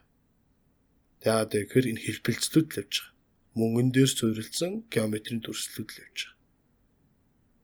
Ээ хараад нэг хэцүүсэд байх юм бол байхгүй. Энэ чинь одоо юм хөгжөөд бүр амар амар болцсон байна. Яаж ийм гэхээр бүх юмнууд чинь баруун зургаараа зураад янзлаад хилээд өчөж байна. Тэм учраас энэ дээр маш сайн анхаарч явах хэрэгтэй. Эрслээс айж байгаа бол битээр өөрийгөө боллоо болноо би одоо л болж шүү гэдэг цагаа хүлээ хүнд заавал тийм цаг байдаг. Тэм учраас өөрийгөө сайжл өөр өөртөө ажиллах боломжийг айгүй өндөр түвшинд гаргаж ирдэг. Харин би хэлсэн шүү дээ. Хүн өөрийгөө хинбэ талд ч гэсэн амарлаг юм мэддэг юм шиг байгаад ичвэл өнөөдөр хөгжиж байгаа технологийн төвшил ямар компани өнөөдөр цойлох гээд байгааг мэдгүй ч бас болно шүү дээ. Цаас энэ стаална та харж байгаарай гэл ингээл ингээл хэдэг. Яг ясам дээр цаатлан шал ондоо хараа эрэг эргэж байгааг үүсэхгүй байхгүй. Тэгэхээр хин өргөн дэлгэцээр юмнуудыг харж чадна. Хин өргөн дэлгэцээр рискийг нь хиндээ тодорхойлж чадна. Тэр хүмүүн л цаашаа явна. Уусаал тийм. Хэрвээ бүх хүн амархан байсан бол бүх хүн баяж явж гисэн. Тэгтэл энэ дотор нэг 400 тэрбумт нь л байна. Эднээс гүрүү гэж нэрлэдэг stock gurus. Тэгээд техний 10 тэрбумд нь биднээс бүгд 10 дэлхийн хамгийн том 10 тэрбум ба. Тэрбумт ба. Ер нь дэлхийн томгийн том 400 хүн байж байгаа. Энэ хүмүүс янз бүрийн аргаар хувьцааг хөрөнгөний зах зээлийг олж хардаг. Өөр өөрсдөө ингэсэн арга барилтай. Гэхдээ сэтгэлийн хөдөл эмоц арилжаанд орсноороо ямар ч гоё юм үгүйчих боломжтой. За ялангуяа өнөөдөр гоё орчлоо. Яараалц гэл зарчихгүй нөгөө нөсөөг үг авчдаг. Тэрний дараа би мэдчихсэн шүү дээ би авцсан шүү дээ гэж ми гашгараад ч нэмэргүй. Хүн болгонд л энэ замыг давдсан шүү дээ. Ойбшны ганц гой сонголтыг авцсан байлаа. Төрүүлэл нэг 1000% ихтэн зарчдаг. Нөгөөтгөнд байхгүй дэшиг 10 мянган процент 20 мянган процент үг авч дараа харамсаад ч барахгүй босож авч чадхаа болцсон байдаг. Энэ зөвхөн сэтгэл зүйл байсан. Анханасаа өсөхийн мэдчихсэн байгаа байхгүй. Дааж хөдөлгөөнийг хэлж яхад тэр ялагдаж гүн дүнийгээ цаар харин түүний хооронд хамгийн зөв алхам нь юу яж болох вэ гэхээр оруулсан мөнгөө ихэндээ гаргаад авчиж. Тэ цэвэр ашигынхаа мөнгөөрөө цаашаа гүйлгээ явчих. Чи цэвэр ашиг учраас хүний сэтгэл зүйн дээр чи гайг болно. Нэгсэндээ өөрийнхөө далд тухамсар тэ өөрийнхөө энэ сэтгэггүй гэж жоохон чит хийгээд байгаа байхгүй. Хуураад ирэх гэсэн өөр өөрийгөө. Гэх мэтчлэн маш олон аргууд байгаа. Тийм болохоор хувь хүн болго өөр өөр ингэсэн онцлог арга барилтыг бол суулгах хэрэгтэй. Түүнээс миний арга очил тэнд чамд таарад ч юм уу. Миний арга очиод тэнд үж байгаа нэг хүүхдэд таарна гэсэн үг биш. Хамгийн гол нь энэ том зах зээлийг ойлго. Дараа нь өөрийгөө ойлго. Тэгэд ямар арга таарч байгаа өөр өөртөө таарсан зүйлээ суулгаал явах энэ бол хамгийн том арга. Тийм ээ. Аа. Одоо жишээ нь арилжаа яаж байгаа хүмүүс юу аа жишээ нь сая нэг 1000 хувь дээр нь тэр хүн за одоо хангалттай болчих гэж төрүүлээ гарчиж штэ тийм ээ. Тэнгүүт нөгөөт нь дээшээ өсөж хаашаа 100000 хүрчлээ. Өөрөө чи хувьд энэ харамсах сэтгэл нь яг аль тохиолдолд илүү хүчтэй байдаг вэ? Жишээ нь мөнгөө алдж байгаа хүн хүн үйдүү магадгүй за би арай л эрт гарчижтэй гэдэг тэр сэтгэл зүйн илүү хүчтэй ажилтдаг уу? Одоо бол нэг яг иймэрхүү зүйлүүд дээр нэг тийм хөдөлгөөн болчихсон шүү дээ. Урд нь бол тэгэл харамсаал боожгүй л боинг гэж юм л айгүй хямдхан байжсэн. Одоо коронавиг үеэр чинь хувьцаанууд чинь нэг сар нам унаал тэрнээс хойш ерөөсөө өдөртлөд зогсолт гүйцлээ шүү дээ Тэгэл тухайн үед чинь кол татчих зүгээр хамгийн энгийн чиглэл л да. Одоо сүүл афермгийн хувьцаа байсан. Тайлангийн тоглолтод манайхан монголчууд бүгд орс бид дэше явна гэдэг мэдчихсэн. Авсан. А тэгсэн чи юу болсон гэсэн. Тухайн үед чинь нэг За хүмүүсийн дунд ч нэг 500 мянган доллар дэшиг ороод тэгэл 2 3 мянган долларыг гарч байгаа байхгүй эхнээсээ. Тэгээ би ч гэсэн бас нэг тухайд чинь нэг 500% жилээ хийгээ гарцсан. Тэгсэн чинь яг дараагийн улирлын тайлан буюу 3 сарын хугацаанд дэшиг өссөөр байгаад тухайн үед хэрвээ 100 доллараар хийцэн байсан опшн ярилж байгаагаа чиглүүлсэн авчин өн чин зөв 3 сарын хугацаатай опшн байсан бол тэр 1 миллион доллар хийцэн байх боломжтой байсан. Угаасаа нүдэн дээр харагдаж байгаа. Тэн дээр жинхэнэ урт хугацааны төсвөр төвчээрч явах. За энийг яаж зохицуулж болдог вэ гэхээр нэгийг биш хоёрыг биш дөрөв тавыг авчих хэрэгтэй юмтаа. Тэгэхээр хүн нөгөө нэг гişрэг юм авчаач оруулсан мөнгөө гаргаж авахар чи нёгийг хувааж болохгүй штэ. Тэгэхээр гарах гэдэг юм чинь заавал орчдөг. А хэрвээ зөв юмыг зөв тооцоолоод зөв юмар авсан байсан бол өөрийнхөө оруулсан мөнгөө тэр одоо жишээ нь 50%-тэй явж байхад дөрвөн ширхгийг авсан байлаа гэхэд 3-ын зараад гарахад нэг ширхэг үлдчихэж байгаа юм чи 50% чи цэвэр ашиг болоод бүх оруулсан мөнгөө гараад авах боломж ч олгочихж байгаа байхгүй. Үнгөө учраас хүн тэрийг бариад яваад чаддаг байхгүй. Нэг онцлог. Тэ тийм бол энэ ялуу янз бүрийн аргачлалууд байгаа. Би өөрийн зохиосон ч юм аргачлал байж байгаа. Тэрийг бол хүмүүстээ зааж өгье гэж боддог. Тийм учраас энэ дээр бол сайн анхааралтай байх хэрэгтэй маш өндөр өргөн боломжууд байгаа гэдгийг бас хэзээ ч мартаж болохгүй. Маш олон талаас нэмийг харж бусдаагаа ярилцж ижил зүй шийдвэр гаргана. Аа. Одоо Tesla Trader-ийн хувьд 1 жилийн болох гэж байгаа юм тий. 2022 оны 20 оны эхний сард нэг сарын гэдэг тий. 1 жилийн. Тэгэхээр 1 жилийн хугацаанд одоо ер нь яриа маань энэ удаагийн дугаар маань дуусах тал руугаа орж ийн, өндөрлөх тал руугаа орж ийн. Энэ шинэ оны баг ууган дугаар, отхон дугаар бөгөөд эх оны одоо ууган дугаар гэж нэрлэгдэж байгаа дугаар. Тэгэхээр жилийн хугацаанд маш олон хүмүүсийг сургаад заа зөвлөөд өөрсдийнхөө мэддэг зүйлийг та хуваалцлаа. Энэ дунд хамгийн сонирхолтой өөрийнхөө гоё тэр түүхийг таадад хүмүүс илгээдэг л байх, сэтгэлдээ илгээдэг л байх. Амьдралаа өөрчлөлөө ч гэдэм үү. Би өмнө нас ийм асуудалтай байсан, маш их өөртөө байсан ч гэдэм үү. Тэр чинь тэгээ нэг азан таарад явчихаг байгаа ч тас те. Ийм боломж байдсан байх гэдэг зүйлийг олж хараад түүнд өөрийгөө сориод явж байгаа болов уу гэж бодож байна. Тэгэхээр гой түүхийг бас хуваалцаад яриагаа бас дуусгах тийшээ өндөрлөе гэж бодож байна. Та бүхний одоо сурагч нар дундаас бас тийм нэг өөрийнхөө сонирхолтой түүхийг илгээсэн тийм түүх байвал тэр түүхээс хуваалцаач. Аа манайш дээр бас нэлээд олон байдаг учраас ер нь бидэндээ хоорондоо нэг тэр ингэсэн энэ тэгсэн гэдэг За энэ ч нэсэх юм бол хамгийн том юу нөх юм бол хамгийн өндөр процентжүүдийн бид нэг челленж маягийн амиг хоорондоо зохиоцсон явж исэн. За өнгөрсөн жил энэ жилийн 2021 оны а юу болохоор 2 сараас 5 сар хүртэлх хугацаа энэ 3 сарын хугацаа бол үнэхээр гайхалтай зүйлүүд байсан. Тухайн үед бол манайх бол 20 гаруй day trader-уудыг төрүүлж гаргасан. Энэ ерөөсөө хагас сая доллар гэсэн үг шүү дээ хүний аккаунтыг бий болгож ийн гэсэн. Яасан бэ гэсэн тухайн үедээс манай Glow гэж GLOV гэдэг энэ хувьцаа CLOV мөн Waxart AMC гэдэг хувьцаанууд төр maaхан бол асар хэмжээний мөнгө хийсэн. Тэгэхээр чи хүн мөнгө хийгээд хахаар улам happy болоод байдаг тий. Бөөнөрөө мэдээж мөнгө хийж байгаа учраас Өвчнөө олон юм байна уу? Айгүй олон юм байдаг. Энэ олон нэг нэрээ дүгнэдлэхэд бол хэцүү л багш нартаа баярлалаа. Хүмүүс бол маш амнэр бол байгаа л. Үнэхээр их баярлалаа айгүй их юмыг ойлголоо. Өөрийгөө хүртэл ойлгож байна. Өөрийнхөө ямар хүн бэ гэдгийг нал налааш хийсэн ааштай эрэгтэй хүн байснаа ойлголоо энэ гэл бичдэг шүү дээ. Хүмүүс ч айгүй сонирхолтой. Тэгэд эн чинь зөвхөн хувьцаа гэж ойлгоод байгаа юм биш. Ер нь амьдрал, ер нь энэ ирээдүй те энэ бүх зүйл чи хаашаага яваад байгаа вэ гэдгийг бид нар өдөр болгон яг энэ зах зээлийн одоо нэгсэндээ нэг том телевизэд ажиллаж байгаа гэсэн битээ бэлтгэдэг хүмүүс адилхан хамгийн хурдтай орж ирдэг сорс орн мэдээлүүдэд барьж. Уншаал, анализ хийгээл. Тэгэхээр эн чинь юу гэдэг вэ гэхээр амьдрал өөрөө хаашаа явж байгаа юм бэ? Ирээдүй яах гэж байгаа юм бэ? Энэ ковид ч одоо яг юу болоод байна те? Гэх мэтчлэн маш олон талын юмнуудыг хүн ойлгох нэгнээсээ сурах боломжуудыг олгож идэг учраас өдөр болгон шинийг сурч идэг. Тэгээд маш олон хүмүүс байт юм уу? Манай энд чинь 600 доллар 35 мянган доллар хийсэн ч юм байна 600 доллараа 47 мянган доллар чийсэн хүмүүс байна. Гэхдээ айгүй олон юм түүх байгаа шүү дээ. Манай тэгж нэг амар хүмүүстэй адилхан ингээл зарлаа ингэчлээ тэгчлээ тийм газар бол биш. Аль болохоор хийж чадж байгаа юмараа л хүмүүст харуулах хэрэгтэй гэдэг миний алтан үнэлэмж байдаг. Түүнээс хин нэгэн өөрөө одоо инфлюенсер ч юм уу өөрөө юм лаг байлаа гэдээ явах биш гарч ирж байгаа шавнар чинь л хэд юм бэ гэдгийг харуулах хэрэгтэй. Өнөөдөр ингээ Монголын олон газар байгуулагдаж байна. Эндээс манай шавнараас аны ерхий аналист, том аналист болцсон явж байгаа юм зөндөө байна. Энэ бол нэгтэлтэй айгүй гоё санагддаг. Яагаад гэвэл зөвл юм заасан юм байна. Зөвл юмээс орсон юм байна. Тийм учраас тэр гарч иж байгаа газрууд нь манайхны хүмүүсийг сонирхоод байгаа юм байна те. Тэгэл ингээл явж байгаад Монголоос хамтран ажиллах саналууд зөндөө л орж ирчихсэн. Гэхдээ бид нар зөвхөн өнөөдөр маргааш көвөг хараг энэ айгүй урт том юм явж байгаа бид нар зөв боловсролоор л удаан ч хамаагүй явна. Гэхдээ хүрх цэг маань бусдаас илүү том байх болно гэдэг дээр л бат итгэлтэй байд шүү дээ. Нэг жил явуулж чинь бүх Tesla-гийнхаа бүх үеийн гişүүдтэй тэ нэг жилийн баярын мэндийг хүргэе. Манайхан бүгдээрээ хичээгээрээ бүгдээрээ л бүх хүнд адилхан эрхчлөө адилхан боломж бололцоо байгаа.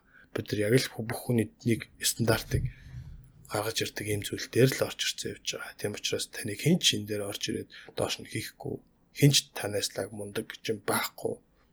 Яг л өөртөө итгэл юмас сурдгаараа сураал жоохон цаг өгөөл үздэх юм бол маш том ирээдүй биднээсээ хүлээж байгаа. Тэ энийг л хэлье. Тэ шинэ ондоо. За баярлалаа. Сайхан баярлалаа. Шинэ оны мэндийг бас өөрт ч юм бас өргөе. За баярлалаа. Тэгээд манай сонсогч нар өнөөдрийн дугаараас хөрөнгө оруулалт гэдэг зүйлийг энэ хувьцаа гэдэг зүйлийг бас өнгөцгөн хардаг байсан бодвол цаана бас ямар том ирээдүй болон боломж бас өрнөөд аль үжим зарим хүмүүс нь төрүүлж та бүхнээс мэдээд энэ дунд оролцоод энэ төр боломжийг хүртээд өөрийгөө сориод ингээд явж гин гэдэг тэр талаар маш гоё мэдээллүүдийг өглөө. Тэгээд бас өөрөө өөрийгөө таних нэг бас алхам бодвол энэ арилжаа юм аа. Тэгээ хүн мөнгөтэй харьцаж үзэхээр өөрийнхөө тэр зан характер нь яг уг суур хүн ямар хүн бэ гэдэг олон хариултыг бас эндээс авдаг болов гэж би боддог. Тэгээд ярианыхаа төгсгөлийг одоо энэ оны төгсгөл болж гин одоо зах зээл маань 5 минутын өмнө нээгдсэн байна. Тэгээд яг өнөөдрийн байдлаар харин тэ өнөөдрийн байдлаар өөрийн чинь хувьд хөрөнгө оруулалтын багц гэж байгаа штэ. Болдог хүний. Тэгэхээр хэдэн хувь нь хувьцаа руу, хэдэн хувь нь одоо опшн руу, хэдэн хувь нь coin руу орцсон явж гин. Хүмүүстэй ерөнхийдөө эрсдлээ. Эрсдэл болон ашигла хянахын тулд хүмүүс бас тэдэн хуваараа ерөнхийдөө дөнгөж эхэлж байгаа юм бол опшн руу ороорой, хувьцаа руу ороорой, coin руу ороорой гэдэг тийм нэг өөрийнхөө санал бодлыг хуваалцъя гэвэл. Тэгээ яг өнөөдрийн үед болохоор миний хувьд бол 8% нь одоо яг одоогийн байдлаар 70 гаруй процент нь урт хугацааны хувьцааны төрөнгө оруулалт хийж явж байна.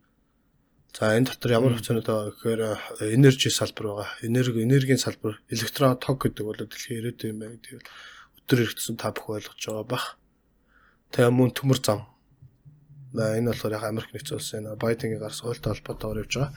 За ийм байна. За 10% за 10-аас доош процентнууд бол крипто